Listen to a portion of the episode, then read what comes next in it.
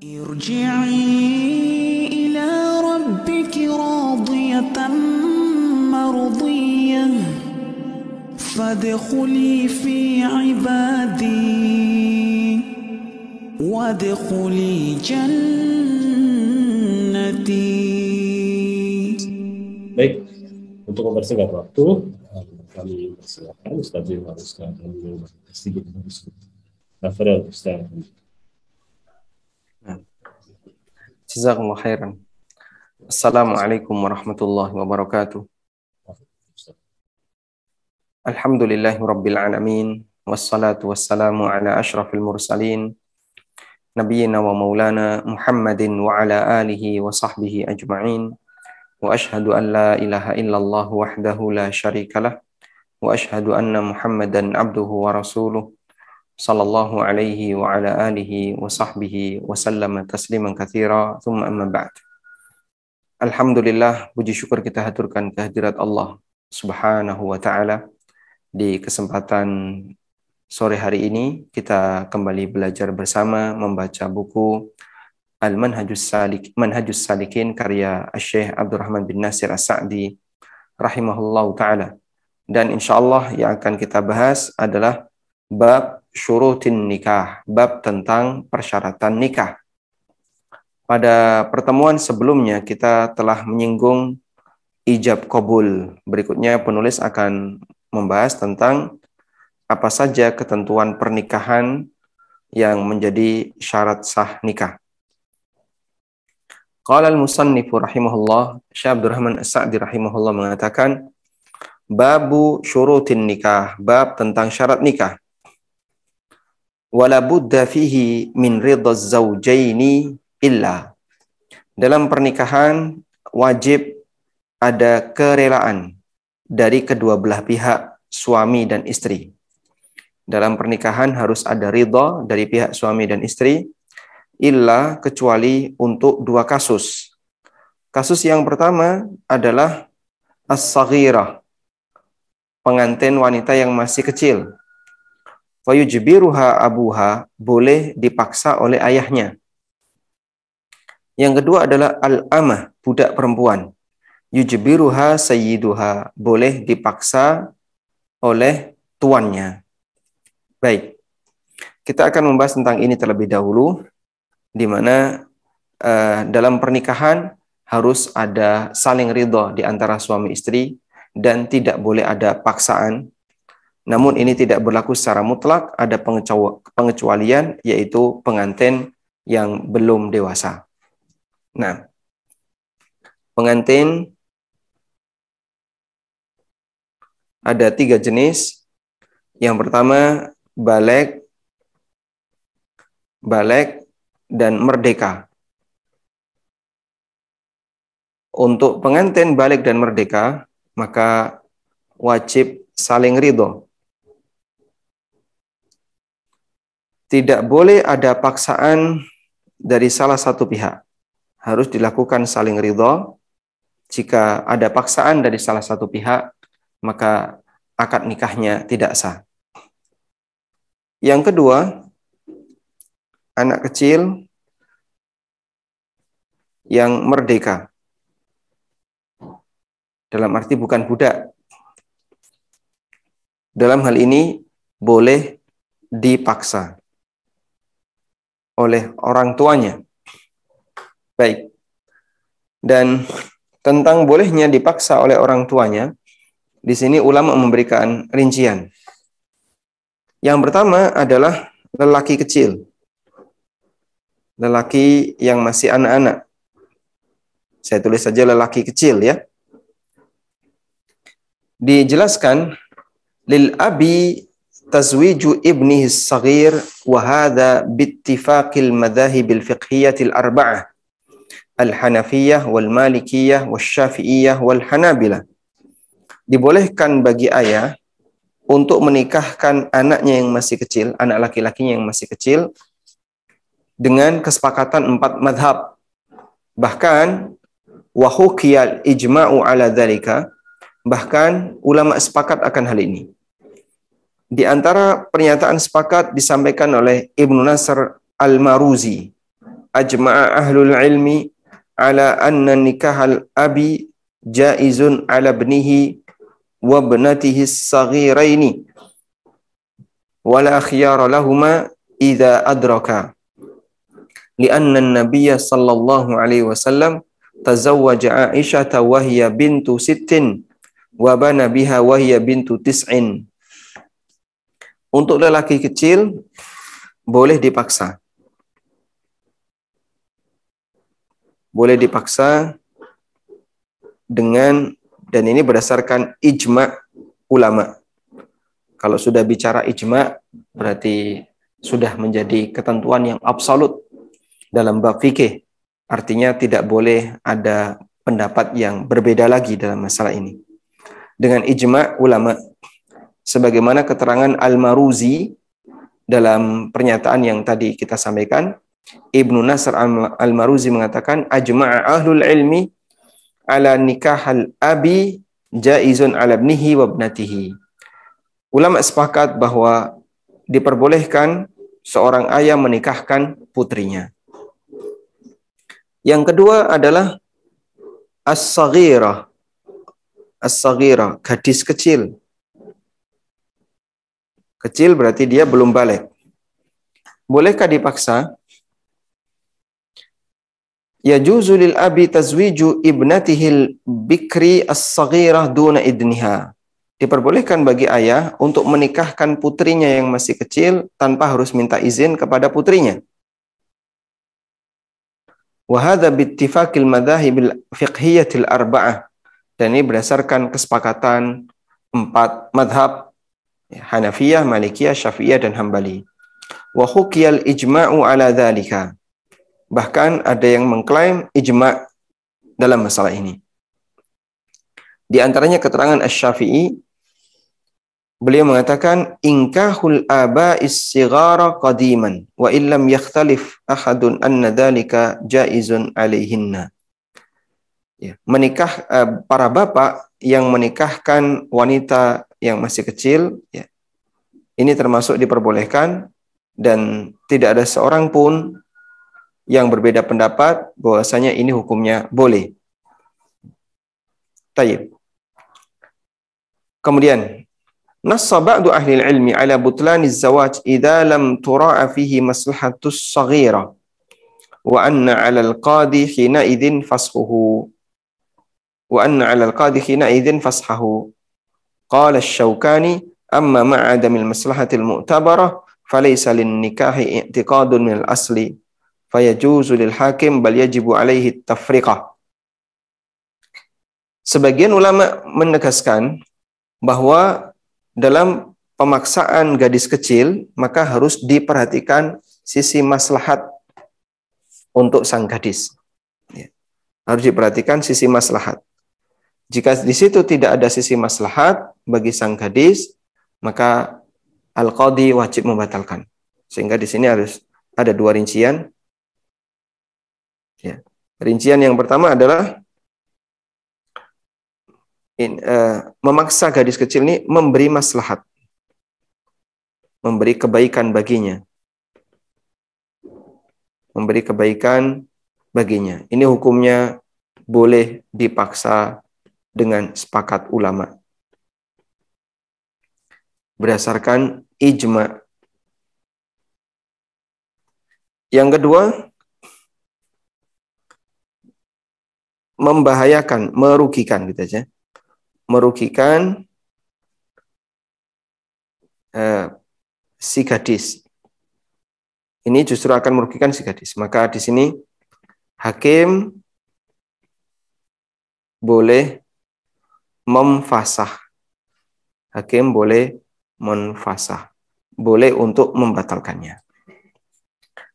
Dan alasan jumhur ulama Kenapa ini diperbolehkan? Adalah karena Aisyah radhiyallahu dinikahkan dengan Nabi SAW dan ketika itu usianya masih enam tahun, artinya belum bisa dimintai persetujuannya. Dan tentu saja pernikahan Nabi SAW dengan Aisyah memberikan masalah besar bagi Aisyah dan bahkan juga bagi kaum muslimin. Walhamdulillah. Tayyib, kita lanjutkan. Poin berikutnya, qala al-musannif wala budda fihi minal wali. Qala sallallahu alaihi wasallam la nikaha illa biwaliyin. Hadis sahih rawahul khamsah. Dalam pernikahan harus ada wali. Nabi SAW bersabda, tidak ada pernikahan kecuali dengan wali. Hadis sahih diriwayatkan oleh imam yang lima. Imam yang lima adalah ashabus sunan dan Imam Ahmad. Rawahul Khamsah kalau pakai istilahnya Al-Hafidh Ibnu Hajar dalam Bulughul Maram artinya adalah hadis yang diriwayatkan oleh Imam Ahmad, An-Nasai, Abu Dawud, Tirmidzi dan Ibnu Majah. Empat penulis kitab Sunan dan ditambah satu lagi yaitu Imam Ahmad. Nah, baik kita coba jelaskan. Dalam pernikahan di situ harus ada wali dan wali ini ditegaskan oleh Nabi Sallallahu Alaihi Wasallam dalam hadis la nikaha illa biwaliyin. Tidak boleh ada pernikahan kecuali dengan keberadaan sang wali. Lalu apa yang dimaksud dengan wali? Wali adalah man lahu wilayatu tasarrufi fil mali wan nafsi jami'an. Orang yang punya hak. Orang yang punya hak untuk mengendalikan harta maupun jiwa seseorang. Orang yang punya hak untuk mengendalikan harta maupun jiwa seseorang. La yasihun nikah biduni waliyin lil mar'ah. Bagi wanita, pernikahan tidak sah kecuali dengan wali. Wa madhabul jumhur. Dan ini merupakan pendapat jumhur. Bahkan menurut Malikiyah dan Syafi'iyah, wali termasuk rukun nikah. Sementara menurut Hambali, wali termasuk syarat sah nikah. Nah, wa anis sahaba adamul khilafi fi dzalika dan diriwayatkan bahwasanya para sahabat tidak berbeda pendapat tentang posisi wali semacam ini. Nah, tentang keberadaan wali, tentang keberadaan wali. Jadi, dalam pernikahan wali untuk pengantin lelaki tidak diperlukan. Sehingga ayah bagi pengantin lelaki tidak harus datang dalam akad pernikahan, tidak harus ada, tidak harus hadir, dan posisinya tidak diperlukan. Kalaupun hadir ya diperbolehkan. Nah, yang kedua, wali bagi pihak wanita. Wali bagi pihak wanita. Ini menjadi syarat nikah. Nah, menurut pendapat jumhur ulama. Yang berbeda dalam hal ini adalah madhab Hanafiyah. Yang berbeda dalam hal ini adalah madhab Hanafiyah. Kita kasih catatan di sini. Selain Hanafiyah. Menurut Hanafiyah, wanita boleh menikahkan dirinya sendiri tanpa wali. Sehingga bagi Hanafiyah, kalau misalnya ada wanita yang dia mendatangi seorang lelaki, lalu dia uh, ingin menikah dengan lelaki itu, kemudian lelaki itu setuju, lalu mereka melakukan akad nikah, dan ada saksi, ada saksi, hukumnya diperbolehkan. Alasan Hanafiyah adalah apabila wanita balik, dia berhak untuk mengendalikan harta yang dia miliki. Maka dia juga berhak untuk mengendalikan dirinya. Sehingga sebagaimana ketika dia punya harta, dia boleh belanja ke kanan, dia boleh belanja ke kiri, dia boleh belanja sesuai dengan apa yang dia inginkan. Maka demikian pula pada dirinya, dia boleh menikahkan dirinya sendiri. Namun pendapat Hanafiyah ini jelas lemah karena Ya. Praktek muamalah maliyah itu jelas berbeda dengan muamalah dalam pernikahan. Kalau dalam muamalah maliyah, dalam transaksi berupa harta, wanita boleh saja dia menggunakan harta untuk kepentingan pribadinya. Untuk sesuai dengan apa yang dia mau. Tapi dalam praktek pernikahan, dia di bawah aturan dan kendali walinya. Nah, selanjutnya.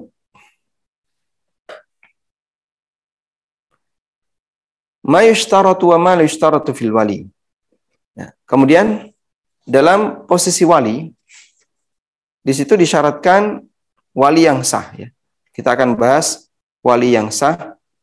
Wali yang sah satu dia harus berakal. Dia harus berakal. Yang kedua harus balik. Yang ketiga harus merdeka. Yang keempat yang ketiga harus merdeka. Yang keempat harus ada kesamaan agama. Kita coba uh, ulang persyaratan wali. Syarat wali. Yang pertama adalah harus berakal. Yang kedua yang kedua adalah balik. Yang ketiga, dia harus merdeka. Yang keempat, wali itu harus kesamaan, memiliki kesamaan agama. Taib. Kemudian sebagian ada yang menambahkan wali harus arusdu, harus memiliki kedewasaan harus rasyid. Yang kelima, wali harus rasyid. Dan ini pendapat jumhur ulama di kalangan empat madhab, Syafi'iyah, Hambali, Malikiyah. Dan juga dipilih oleh Ibnu Utsaimin rahimahullah. Kemudian yang keenam harus dari harus lelaki dari jalur lelaki. Sehingga wanita tidak bisa menjadi wali. Wali haruslah seorang lelaki. Tayyib. Nah, kemudian apakah wali disyaratkan harus adil? Yang ketujuh di sini adalah adil dalam dalam arti orang baik yang tidak fasik. Jadi dalam bahasa fikih itu ada istilah al-adalah. Al-adalah itu adalah kondisi seseorang di mana dia bisa disebut sebagai orang baik dan dia bukan orang yang fasik. Disebut dengan syarat adil. Adil dalam bahasa Arab ya, bukan dalam bahasa kita. Apakah wali harus orang baik dan orang yang adil? Nah, di sini ada penjelasan tentang itu. Tentang masalah syartul adalah. Apakah disyaratkan sebagai wali harus adil? La yushtaratu fi waliyil mar'ati al-adalatu wa hadha madhhabul Hanafiyah wal mashhur min madhhabil Malikiyah wa qawlun 'inda Syafi'iyah wa riwayatun an Ahmad wa huwa ikhtiyaru Ibn Qayyim. Tidak disyaratkan sebagai wali harus orang yang adil.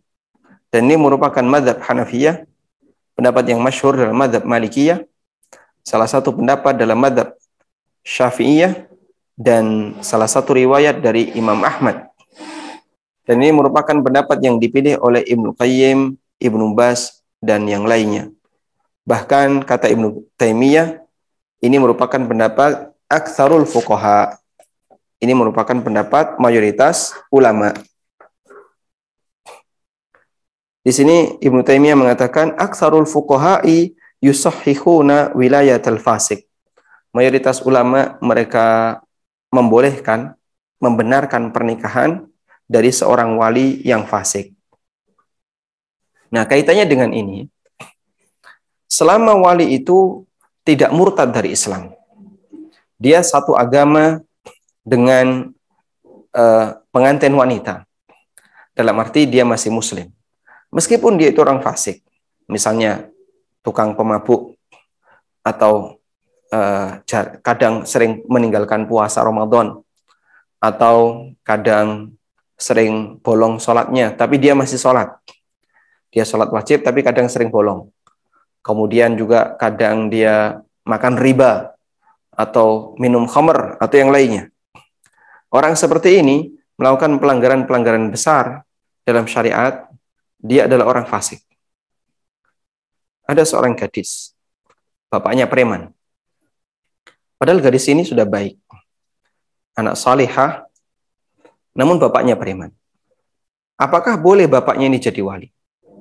Tapi bapaknya masih sholat. Jawabannya selama mereka masih satu agama, hukumnya boleh.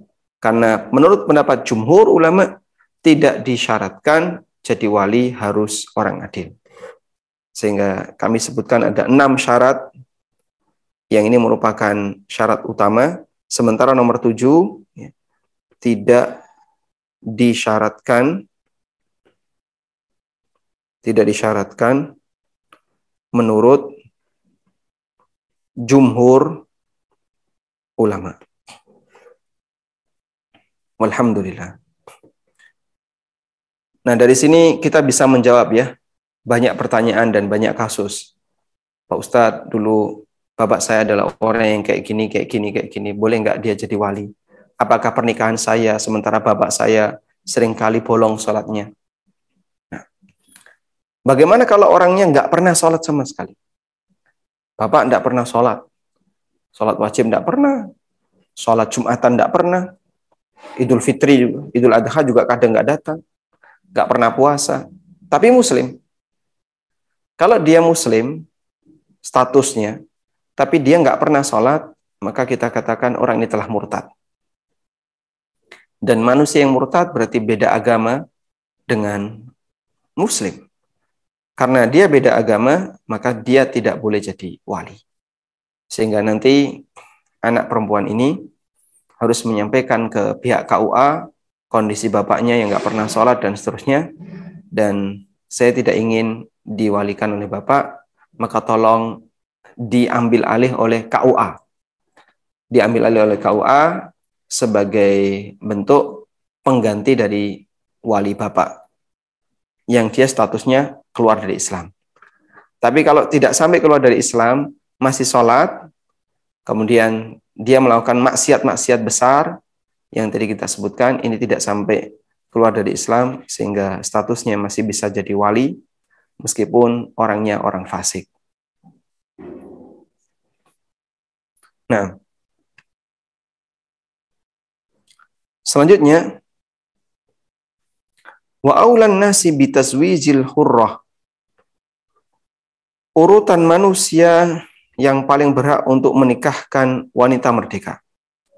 Yang pertama adalah abuha wa in ala.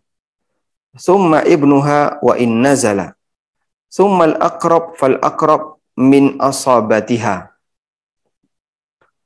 Orang yang paling dekat untuk jadi wali, yang paling layak untuk jadi wali adalah ayah dan seterusnya ke atas. Lalu anak dan seterusnya ke bawah. Kemudian siapa yang terdekat dan yang terdekat. Sudah? Summal aqrab fal akrab min isabatiha dari keluarganya. Baik. Sekarang kita akan membahas tentang kriteria hubungan keluarga dalam perwalian. Kriteria atau mungkin yang lebih tepat bukan kriteria, hierarki ya. Urutan hierarki hubungan keluarga perwalian. Yang pertama adalah atau cara menentukannya begini ya. Semua wali adalah lelaki. Semua wali adalah lelaki. Perempuan tidak bisa jadi wali. Meskipun dia orang terdekat, ibu nggak bisa jadi wali. Kemudian anak perempuan nggak bisa jadi wali. Saudari perempuan nggak bisa jadi wali.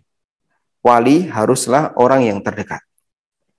Yang kedua, semua wali dari jalur lelaki. Semua wali itu dari jalur lelaki. Sehingga kalau dari jalur perempuan nggak bisa jadi wali. Contoh dari jalur perempuan, misalnya kakek dari ibu, kakek dari ibu nggak bisa jadi wali. Yang bisa kakek dari bapak. Contoh yang lain, paman dari ibu nggak bisa jadi wali. Yang bisa paman dari bapak. Contoh yang lain, uh, sepupu laki-laki dari dari paman, uh, dari bibi, sepupu laki-laki dari bibi, nggak bisa jadi wali. Baik, sehingga semua yang berasal dari jalur perempuan, hubungan antara pengantin dengan orang itu ada perempuannya, nggak bisa jadi wali. Yang bisa jadi wali itu lelaki dari jalur lelaki. Misalnya saya tulis di sini ya, pengantin. Pengantin, atau saya tuliskan di sini. Ini pengantin. Ya. Pengantin punya jalur dari bapak dan ibu. ini ayah. Ini ibu. Ayah punya ayah. Kakek. Ibu punya kakek juga. Kakek maksudnya kakek dari pengantin ya. Sudah? Ibu punya saudara. Ibu punya saudara. Paman.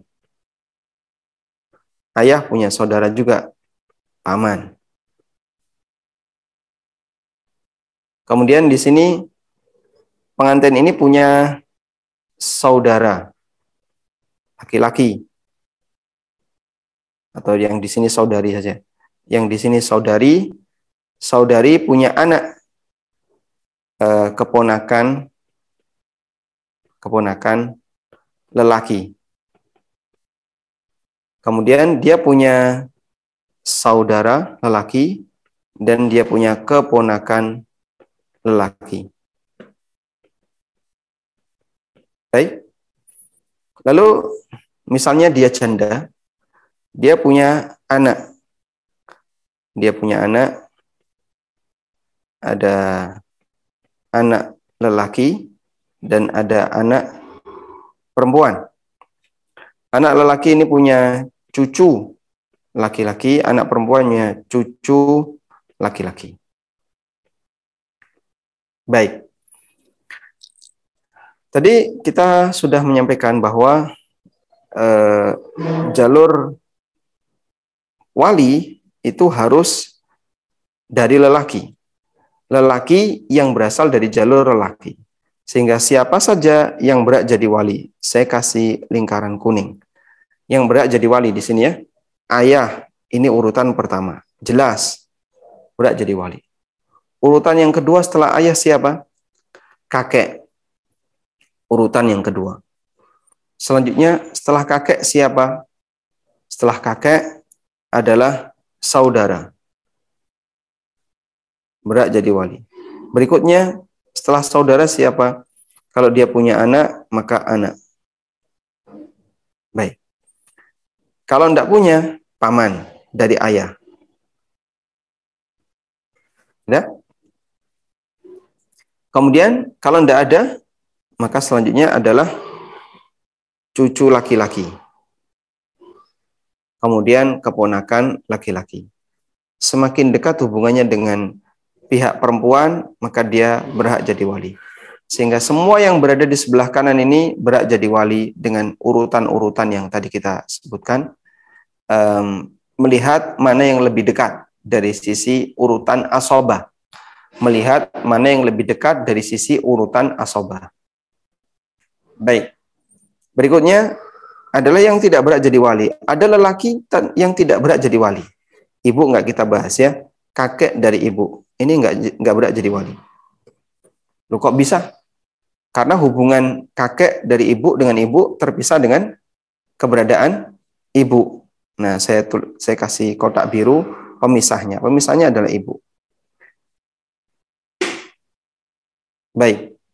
Pemisahnya adalah ibu. Sehingga karena di situ terkena ibu, maka dia nggak bisa jadi wali. Kemudian paman. dari ibu ini tidak bisa jadi wali. Lalu siapa lagi? Nah, misalnya ada saudara seibu. Saudara seibu nggak bisa jadi wali. Misalnya, ini nulisnya gimana saudara seibu? Misalnya ya, dia punya saudara seibu.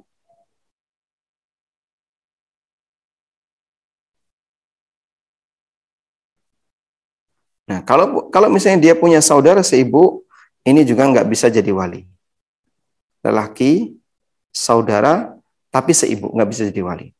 Yang bisa jadi wali saudara sebapak. Ya, sehingga misalnya di sini ada saudara sebapak. Nah, ini bisa jadi wali. Saudara seayah bisa jadi wali.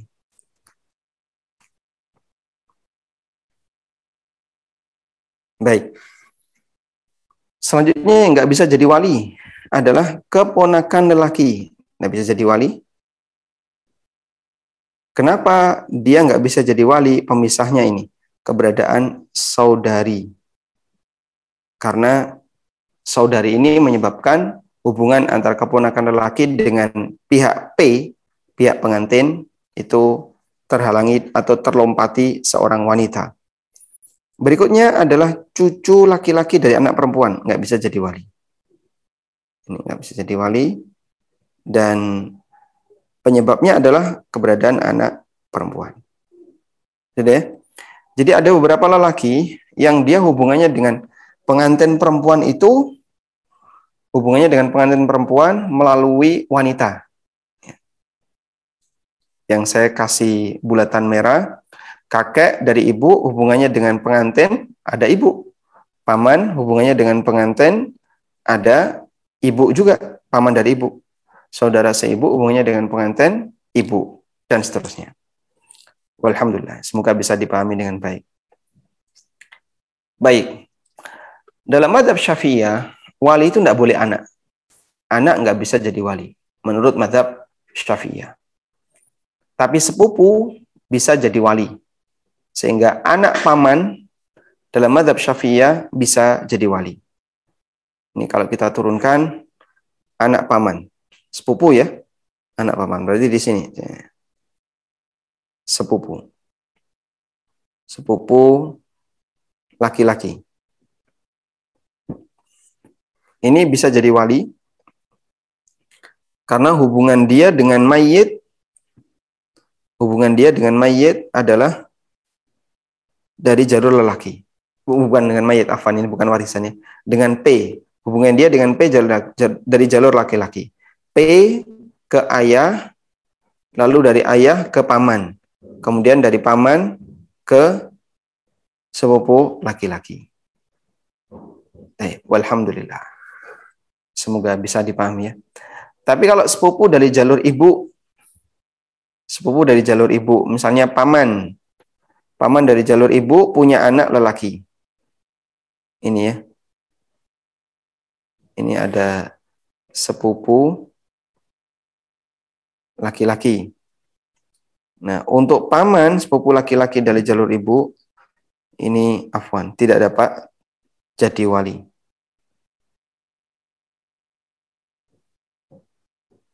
Walhamdulillah. Baik. Kalau enggak ada ini semuanya, baru wali hakim. Karena wali hakim berlaku apabila tidak ada yang berat jadi wali di kalangan keluarga, barulah wali hakim itu berfungsi. Kecuali jika, ya, kecuali jika uh, terjadi sengketa. Misalnya bapak nggak mau jadi wali karena benci sama anaknya misalnya sehingga karena terjadi sengketa seperti itu, maka dikembalikan ke hakim. Sehingga meskipun ada wali yang sah, tapi karena bapaknya jengkel, nggak mau jadi wali bagi anaknya, maka nanti yang jadi wali adalah hakim. Walhamdulillah. Nah, sekarang Anda bisa perhatikan ya, untuk anak hasil zina. Anak hasil zina. Misalnya P ya. P eh, saya ganti anak hasil zina adalah X misalnya X ini anak perempuan hasil zina. Anak hasil zina. X yang merupakan anak hasil zina. Dia terlahir dari pasangan perzinaan yang kemudian setelah itu nikah. Kemudian setelah itu nikah. Dari uh, dari A dan ibu. Ya, saya tulis A dan ibu. Sudah? Kemudian dia juga punya saudara. Dia punya saudara lelaki. Baik. Lalu dia punya dari ibu dia punya paman. Dia punya kakek dari ibu. Paman ini punya anak sepupu laki-laki. Sudah? Kemudian uh, punya saudara seibu juga misalnya. Punya saudara seibu.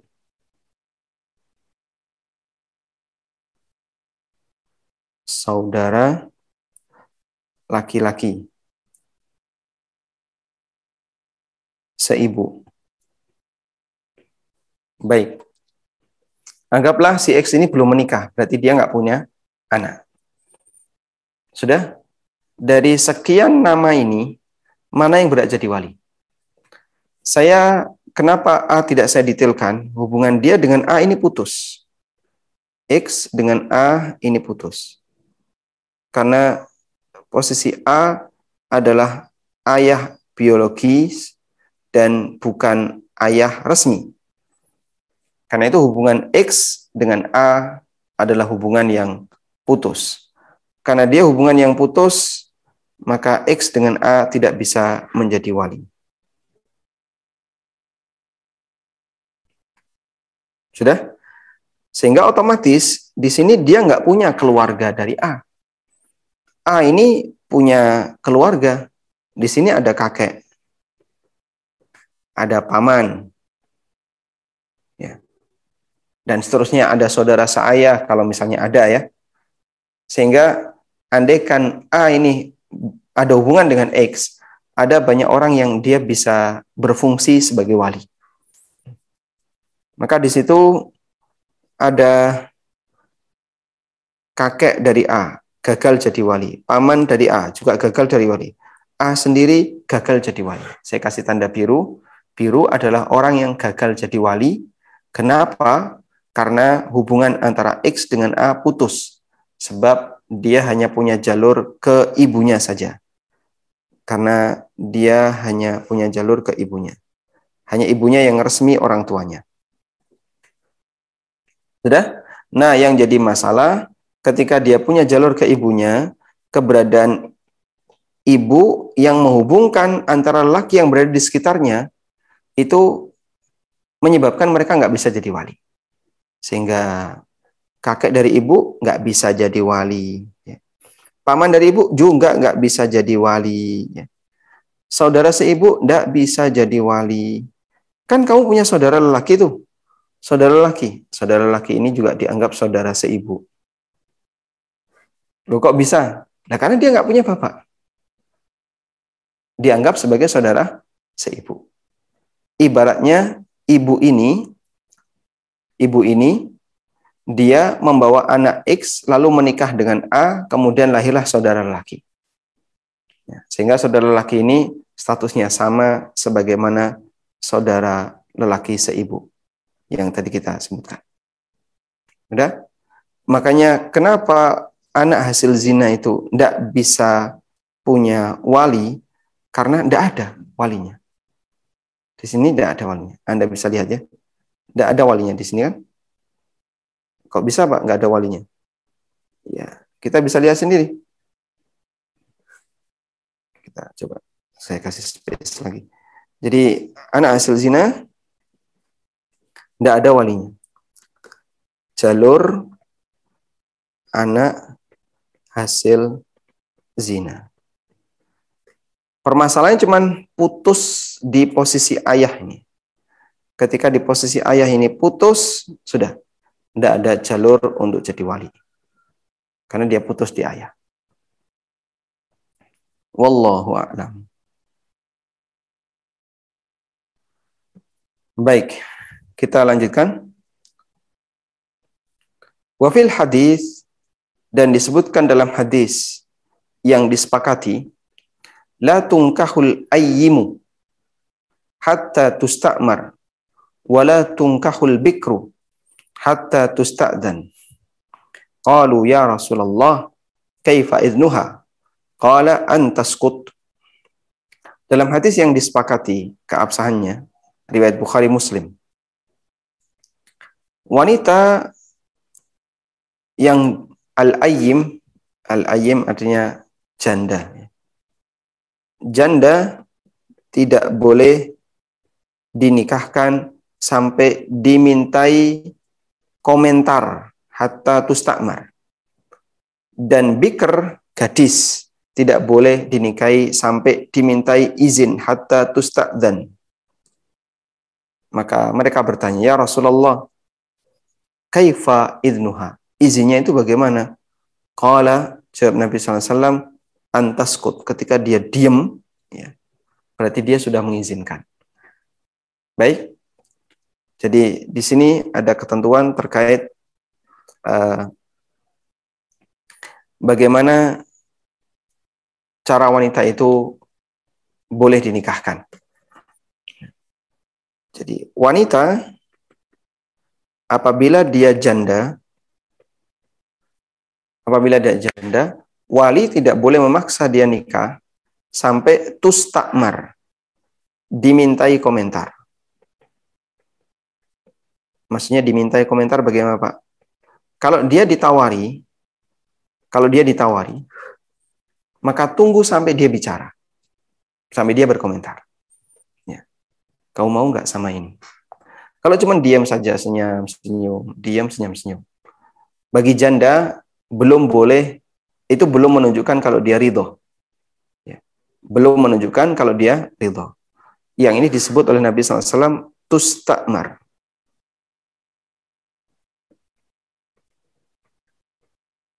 sampai dia dimintai perintahnya. Artinya dimintai komentar. Nah, ketika janda itu bicara, ya saya mau, nah, berarti silahkan dilanjutkan. Tapi kalau gadis, kalau gadis dimintai izin, dimintai izin. Tusta'dan. Tusta'dan. Nah, kalau gadis dimintai izin. Nah, dimintai izin itu tidak harus komentar.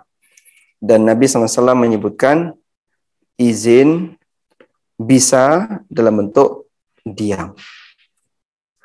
Seorang gadis ditawari, kau mau nggak sama ini? Terus dia senyum-senyum ya. Dia senyum-senyum, masuk kamar senyum-senyum. Oh, berarti dia mau. Nah, meskipun dia belum menyatakan apa pun. Itu yang dimaksud dengan tusta dan maka ada yang tustakmar dan ada yang tustakdan. Ini dua hal yang berbeda. Baik. Jadi kenapa janda itu harus dimintai komentar? Sedangkan gadis cukup dimintai izin. Karena janda dia cenderung lebih berani dibandingkan gadis. Sehingga dia bisa ngomong. Kalau gadis, kadang dia sangat malu untuk ngomong. Sehingga kalau ditunggu sampai dia mengatakan iya, mungkin nggak ngomong-ngomong. Cuman diam aja senyum-senyum. Akhirnya bapaknya karena merasa kok kamu nggak ngomong, ya sudahlah nggak jadi. Begitu nggak jadi, dia malah sedih.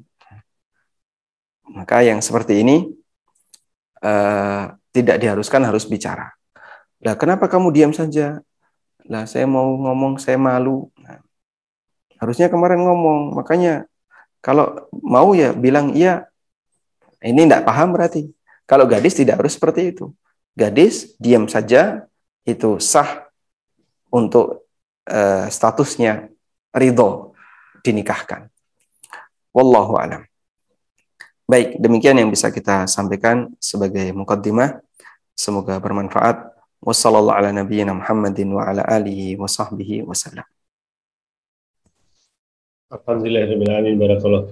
atas materi dan penjelasan yang sangat rinci dan jelas. Insya Allah menjadikan faedah manfaat bagi kita semua. Amin.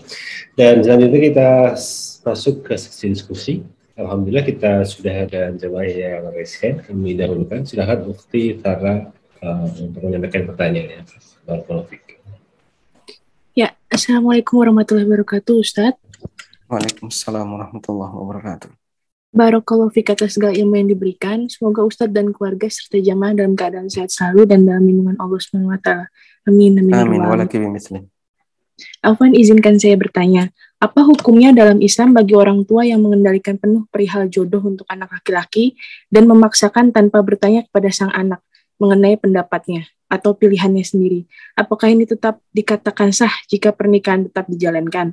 Lalu bagaimana ketika sang anak menolak pilihan dari orang tuanya dan memilih pilihannya sendiri? Apakah akan dikatakan sebagai anak durhaka? Jazakallah khair.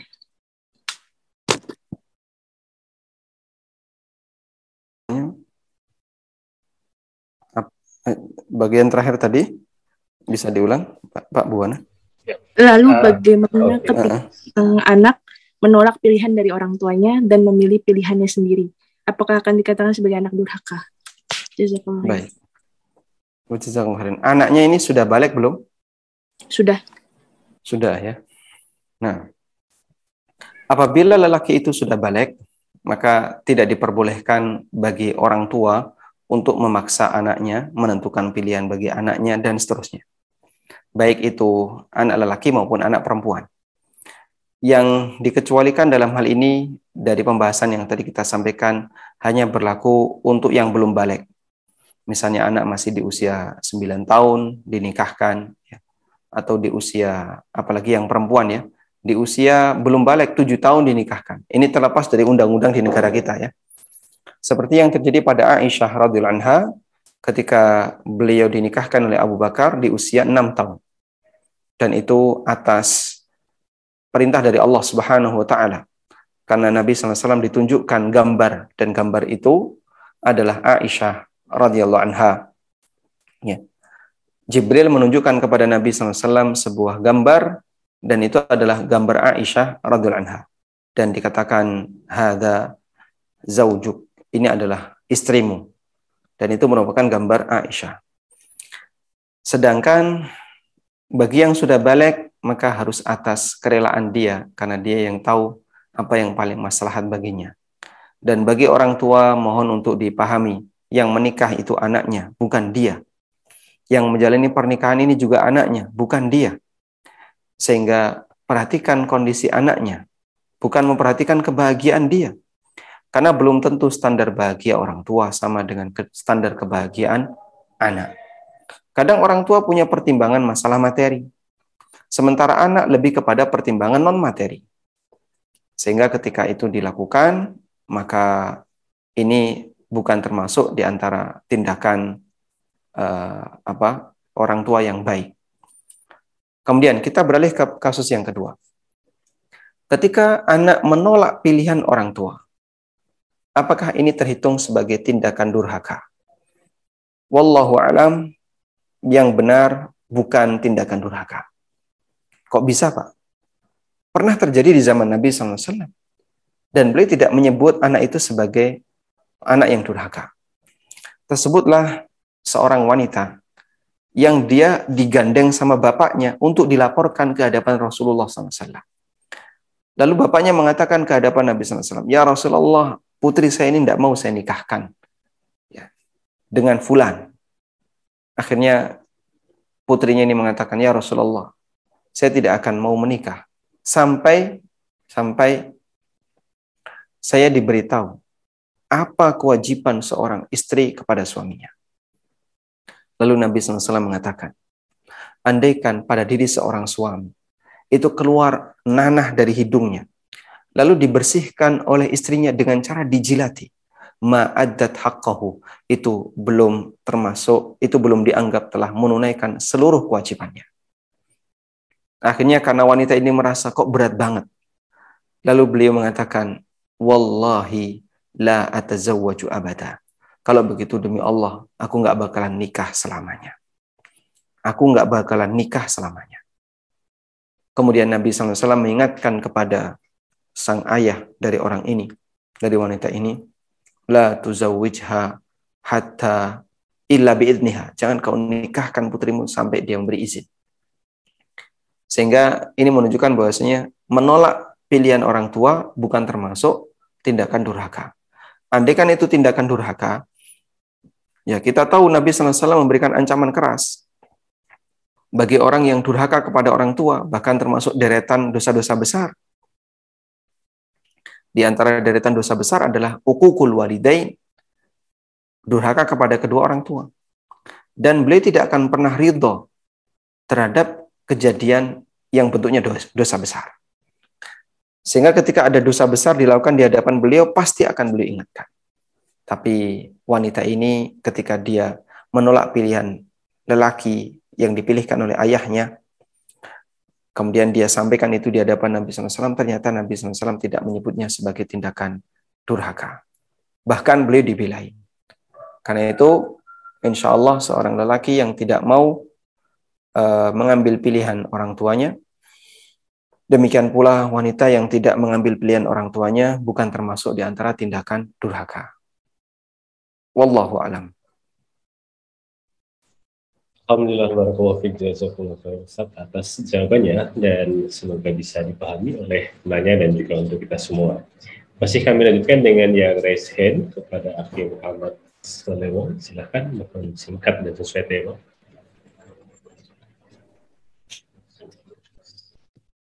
akan di unmute. Oke, Muhammad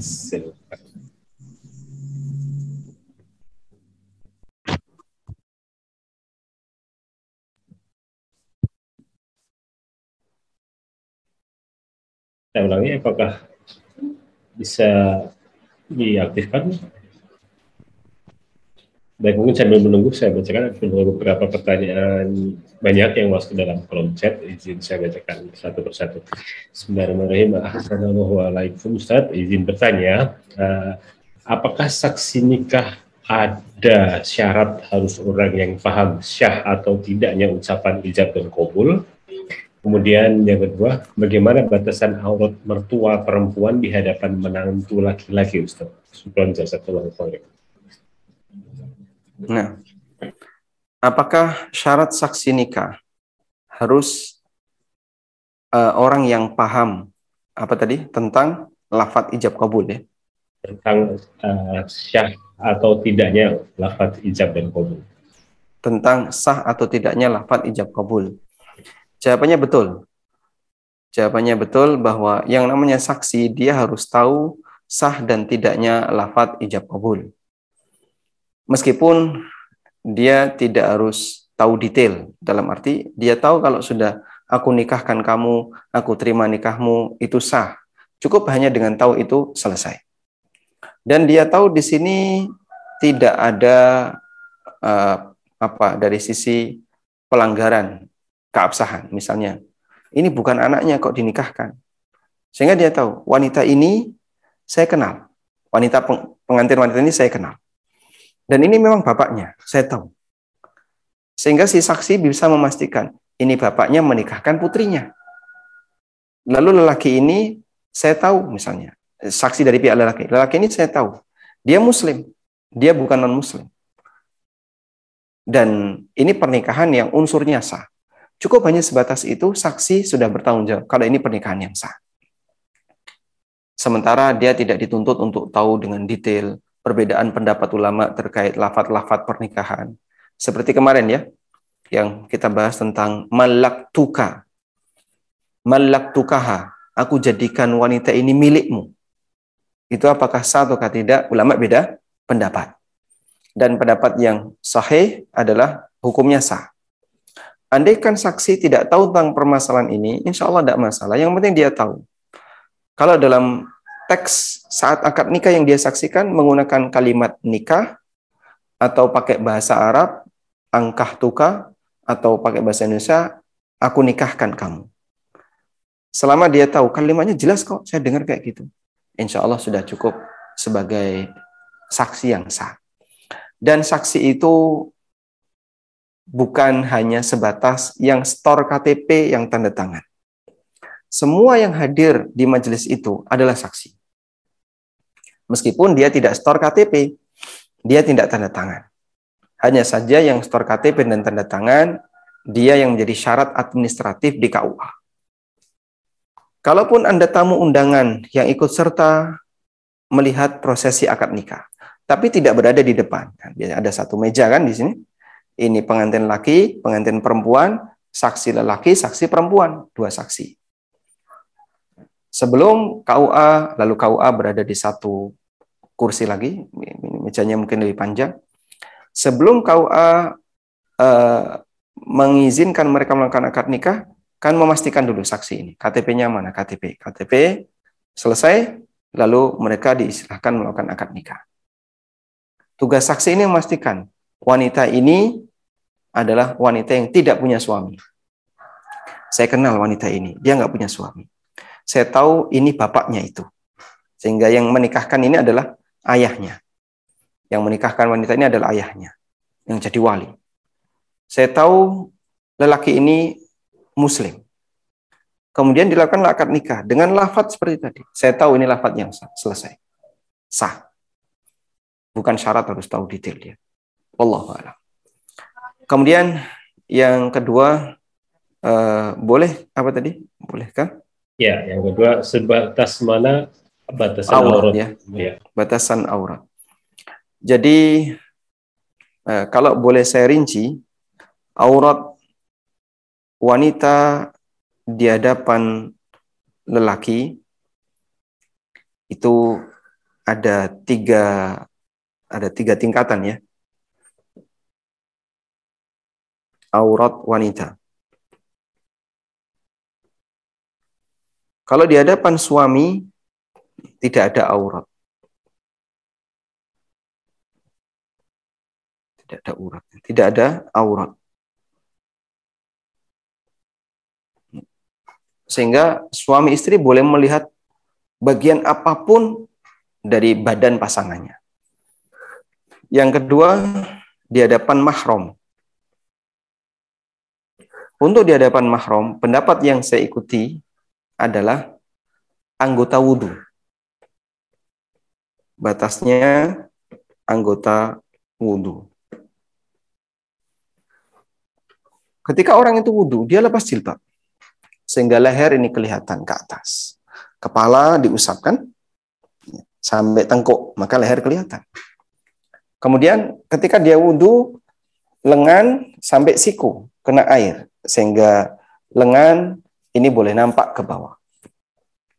Ketika wanita itu wudhu, maka dia cuci kaki sampai ke mata kaki, di atasnya sedikit sehingga betis kelihatan. Maka boleh nampak betis ke bawah. Itulah batas aurat wanita di hadapan mahram. Siapa pun mahram itu, baik mahram keluarga maupun mahram karena pernikahan. Mahram karena mahram keluarga contohnya ayah ya, saudara lelaki, anak lelaki, kemudian eh, paman, dan lelaki yang berada di kanan kirinya. Mahram karena pernikahan adalah mertua.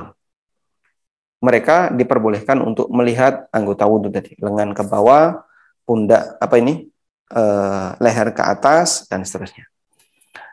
Karena itu untuk menyusui, ya, wanita yang menyusui mereka tidak boleh menyusui di depan mahram. Karena mahram tidak boleh melihat lebih bawah dari dada. Ya, menyusui di kamar, di, di ruang laktasi, tidak di depan mahram. Yang ketiga adalah di depan lelaki lain, lelaki lelaki asing, ajnabi. Ini semua aurat kecuali kecuali wajah dan telapak tangan. Wallahu. Ini rinciannya. Kemudian sebagai tambahan ya, tadi riwayat dari Aisyah radhiyallahu anha. Uh, ternyata itu adalah kejadian dalam mimpi. Wa qabla zawaji biha, sebelum Nabi SAW menikahi Aisyah, Nabi SAW melihat dalam mimpi. Faqad ja'ahu Jibril yahmilu surataha ilaihi.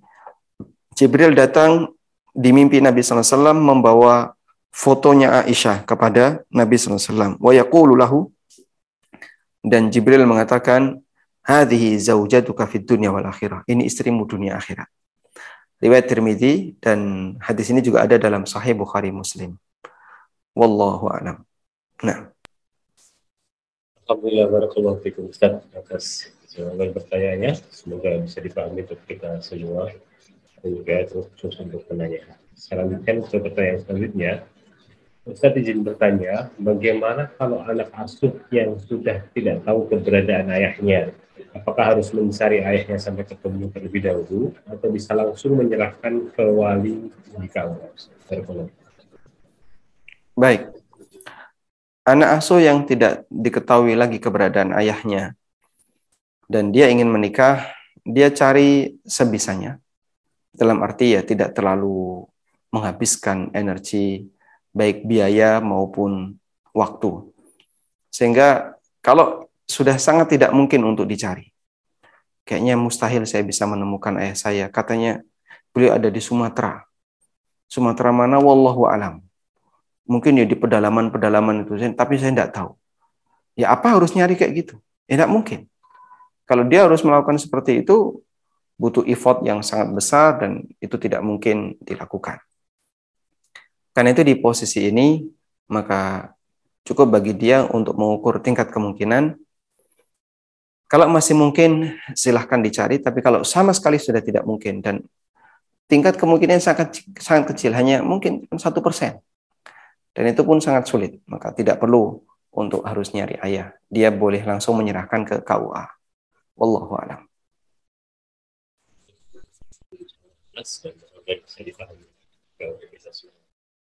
Jadi saya lanjutkan, nanti mau nambah banyak saat kalau sudah menjelang maghrib di Jogja. Nah, saya lanjutkan pertanyaan selanjutnya. Assalamualaikum Ustaz. Afwan, apakah boleh seorang janda menikah diwalikan dengan wali hakim padahal masih ada dari keluarganya yang laki-laki yang bisa menjadi walinya. Kemudian apakah pernikahan sah? Jawabannya selama masih ada keluarga dari pihak atau wali dari pihak keluarga yang bisa menjadi wali baginya, maka dia tidak boleh diwalikan oleh wali hakim. Wali hakim hanya berlaku apabila sudah tidak ada lagi wali di kalangan keluarga. Nabi Wasallam mengatakan, "Faida tasyajara bainakum fal hakim waliyun lima la walayatalahu." Apabila saling sengketa di antara kalian, maka hakim menjadi wali bagi wanita yang tidak memiliki wali. Karena itu selama masih punya wali, dia harus ke wali yang sah. Sehingga wali hakim itu berlaku pada dua kondisi. Satu, nggak punya wali dua wali yang sah nggak mau menikahkan. Nah, maka ini bisa menggunakan wali hakim dengan catatan si wali nikah yang sah nggak mau menikahkan. Statusnya sebagai wali akdol. Dan ada pasal tentang wali akdol yang kemudian diambil alih oleh pihak KUA. Karena itu jika pernikahan Anda kemarin langsung dari pihak KUA, dan mohon ya, di sini dipahami yang dimaksud pihak KUA adalah resmi atas nama lembaga, bukan atas nama pribadi. Kalau dia nikahkan atas nama pribadi, nah itu bukan wali hakim, meskipun dia pejabat KUA, tapi harus resmi atas nama lembaga. Jika itu resmi atas nama lembaga, maka dia berhak untuk jadi wali apabila sang wali yang sah tidak ada atau wali yang sah menolak untuk menikahkan. Wallahu a'lam. Saya punya. Si saya lanjutkan ke pertanyaan selanjutnya. Uh, Assalamualaikum Ustaz, izin bertanya, bagaimana hukum wanita hasil zina yang telah menikah dengan wali yang tidak sah? apakah dia akan menanggung dosa di akhirat ataukah harus diulang pernikahannya bagaimana solusi untuk perkara seperti ini jazakallah saya Nah ini agak sulit ya. Permasalahan seperti ini cukup berat diselesaikan di negara kita. Karena begini, um, apa di negara kita KUA itu menganut pendapat bahwa istilhak anak itu sah sebagai anak kandung. Apalagi ketika istilhak itu mengangkat anak zina sebagai anak. Itu sah sebagai anak kandung. Apalagi di negara kita, jika sudah ada bukti berupa akte Kemudian di akte itu tertulis bahwasanya Fulanah ini adalah putri dari si A yang merupakan ayah biologisnya. Bagi mereka, saya lebih berpanduan pada ini. Sehingga pengakuan kamu tidak diterima. Ada kasus yang itu terjadi di Yogyakarta dan orangnya tanya ke kami, kami juga kebingungan gimana ya. Jadi dia sudah lapor ke KUA. Bapak si wanita yang mengatakan, "Bapak saya itu bukan bapak biologis, dulu berzina, lalu lahirlah saya sebagai anak perempuan." Yang pertama. Kemudian setelah itu mereka nikah. Tapi jawaban kau ringan. Lah kamu waktu nikah ini lampiran-lampiran kamu saat akad nikah itu ada akte, ada kakak. Di akte dan kakak tertera kamu itu anaknya si A. Sudah bagi saya, bagi kami, bagi KUA, ini kami nggak bertanggung jawab lagi. Kami anggap kamu itu anaknya si A. Tapi mohon tolong dinikahkan ulang. Nggak mau dia. Nggak mau. Nikah kamu sudah sah. Ya. Nah, akhirnya dia bingung, resah dia kebingungan. Baik.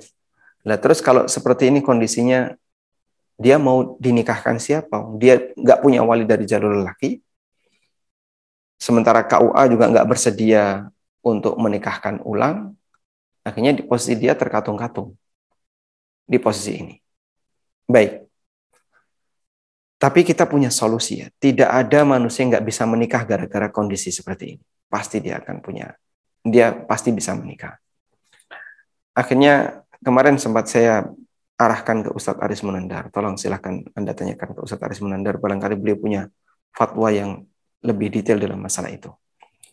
Dan lalu saya pelajari terus, ketemulah sebuah fatwa yang diterbitkan oleh fatwa Syabaka, fatwa Islam Islam Question and Action and Answer, Islam kok bahwa istilhak menurut pendapat sebagian ulama itu sah sebagai anak. Ada yang disebut dengan istilhak. Istilhak waladiz zina.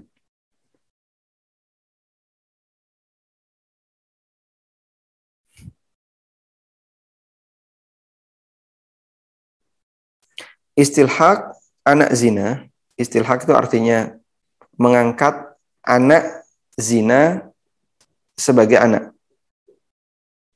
Di sini saya kutipkan ya.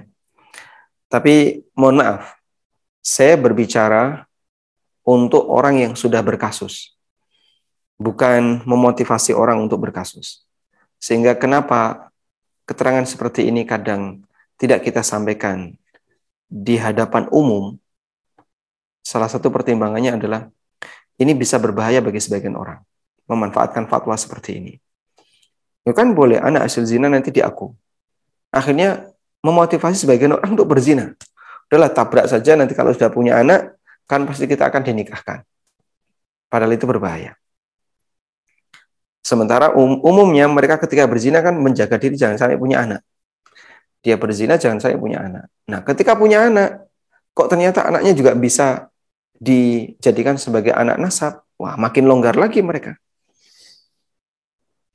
Di sini dinyatakan ikhtalafal ulama ulama beda pendapat tentang lelaki berzina apabila dia ingin menjadikan anak hasil zinanya sebagai anak keturunannya.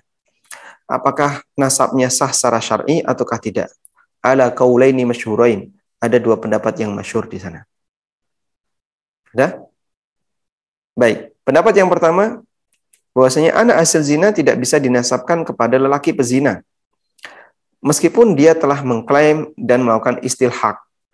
Dia telah mengakui ini sebagai anaknya.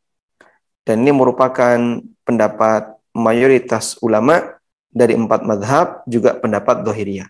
Sehingga dari mulai Hanafiyah sampai Hambali, Hanafiyah, Malikiyah, Syafi'iyah, Hambali, semuanya mengatakan tidak bisa dijadikan sebagai anak nasab.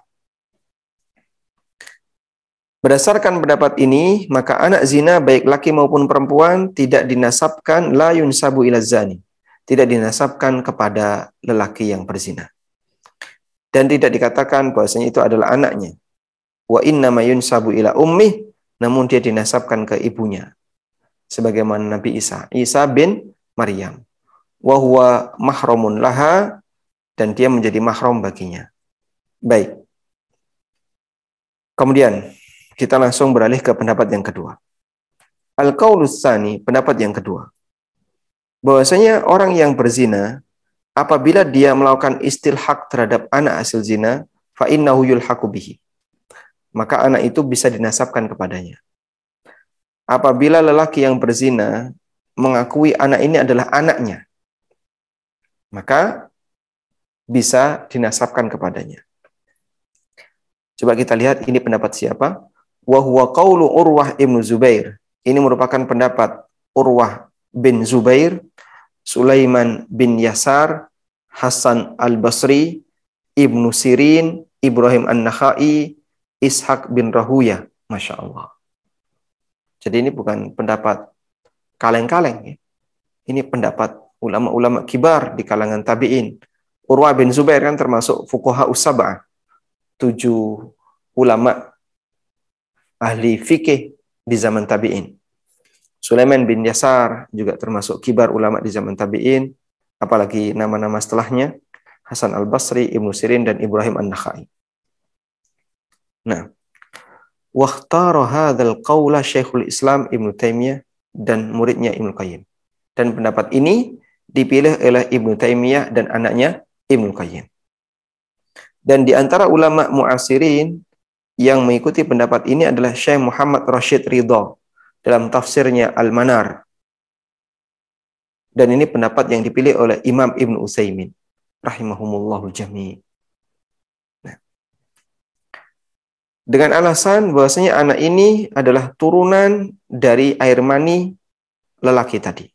Sehingga dia merupakan anaknya secara takdir. Ya.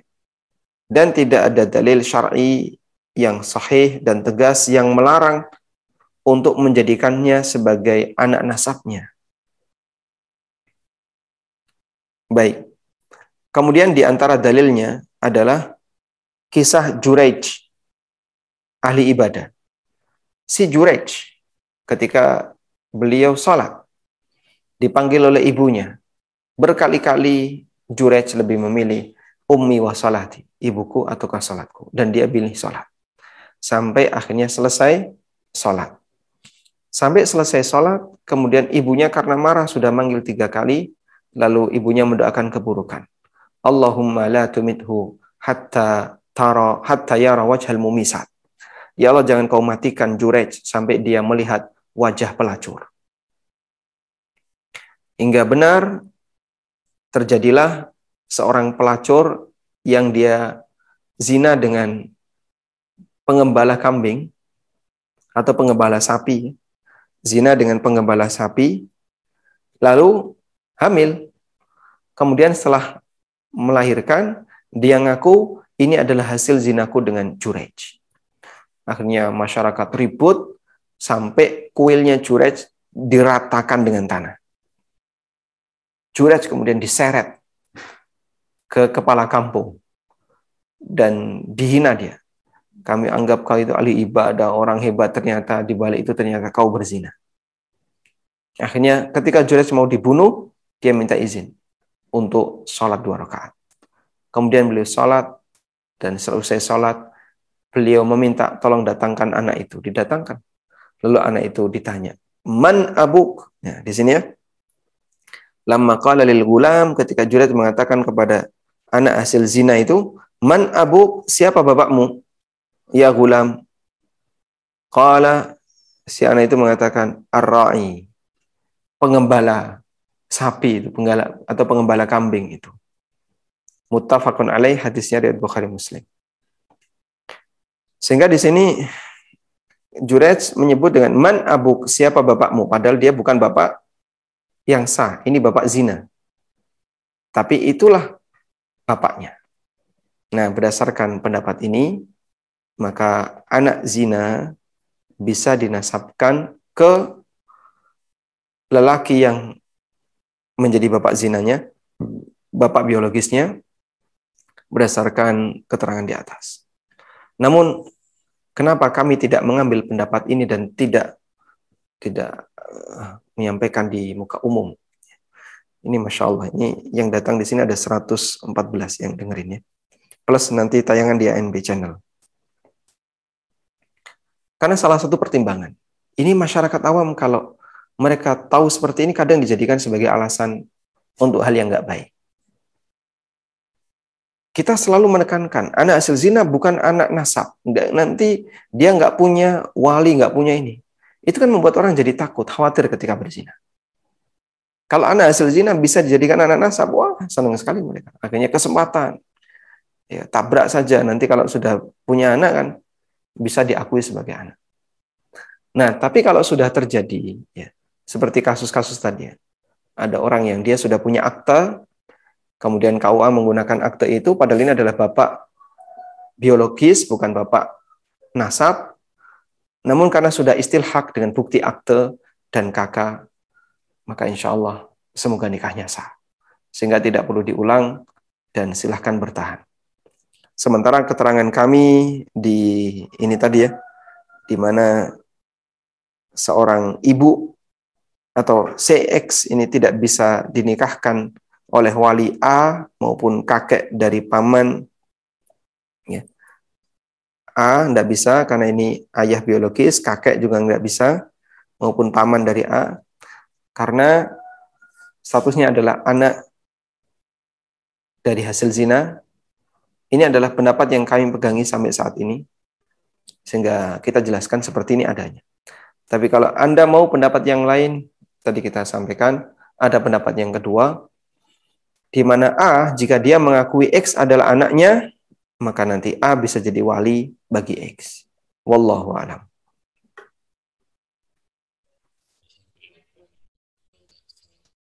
dan penuh dengan kehati-hatian Ustaz. Barakallahu Masih saya lanjutkan dengan pertanyaan selanjutnya Ustaz.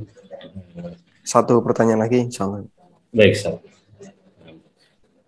Assalamualaikum Ustaz izin bertanya bagaimana pendapat Ustaz terkait dengan orang tua yang mencemaskan anak remaja putrinya yang berteman dengan anak lelaki pesantren namun sering janjian bertemu ketika waktu libur apakah boleh kita merasa jengkel dan berdoa semoga kelak mereka tidak berjodoh mengingat sudah sering dinasihati namun belum bisa berubah. Masya Allah. Baik. Bolehkah orang tua uh, apa mendoakan seperti itu karena kejengkelannya? Bagi kami, apakah ini terhitung sebagai doa buruk? Eh, bisa jadi itu doa buruk. Tapi misalnya Anda bersabar dan tetap mengingatkan agar jangan melakukan itu sehingga ketika liburan jangan sampai mereka janjian untuk ketemu malu dengan status dia sebagai seorang santri di sebuah pesantren. Mungkin ya yang lebih mengenai kasih ancaman kepada anak.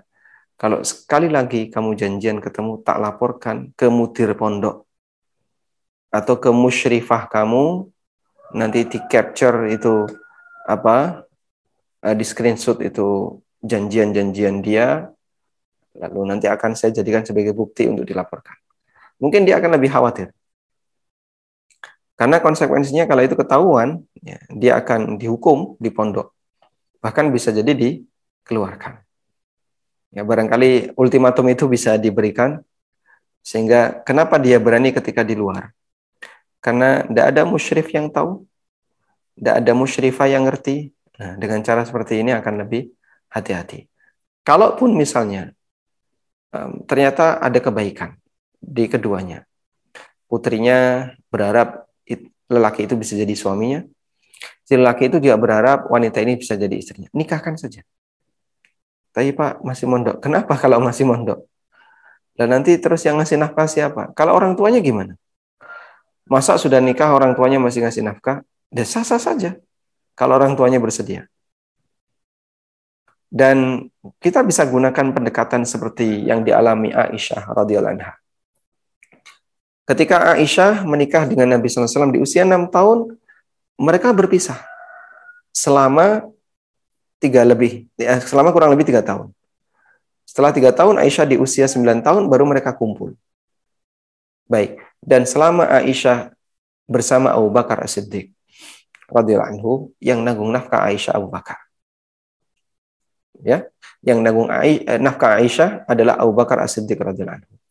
Dan ketika proses ini, maka bisa kita turunkan. Para ulama memberikan kesimpulan bahwa lelaki berkewajiban memberikan nafkah bagi wanita apabila di situ sudah terjadi akad nikah yang sah dan yang kedua adalah at-tamkin min nafsiha. At-tamkin min nafsiha itu si pihak wanita sudah memungkinkan untuk diajak berhubungan badan. Para ulama menyebutkan bahwa seorang lelaki berkewajiban untuk memberikan nafkah kepada pihak wanita yang menjadi istrinya dengan dua ketentuan, terjadi akad nikah yang sah, dan yang kedua, at-tamkin min nafsiha, memungkinkan untuk melakukan hubungan. Sehingga boleh saja mereka sudahlah daripada nanti bikin fitnah, dinikahkan, terus dipisahkan atas kesepakatan. Berarti kan belum bisa melakukan hubungan. Nah, karena itu selama mereka berpisah, pihak lelaki dinafkahi oleh orang tuanya, pihak wanita juga dinafkahi oleh orang tuanya sendiri-sendiri. Dan itu akan lebih aman dari sisi potensi fitnah. Wallahu a'lam. ارجعي إلى ربك راضية مرضية. فادخلي في عبادي. وادخلي جنتي.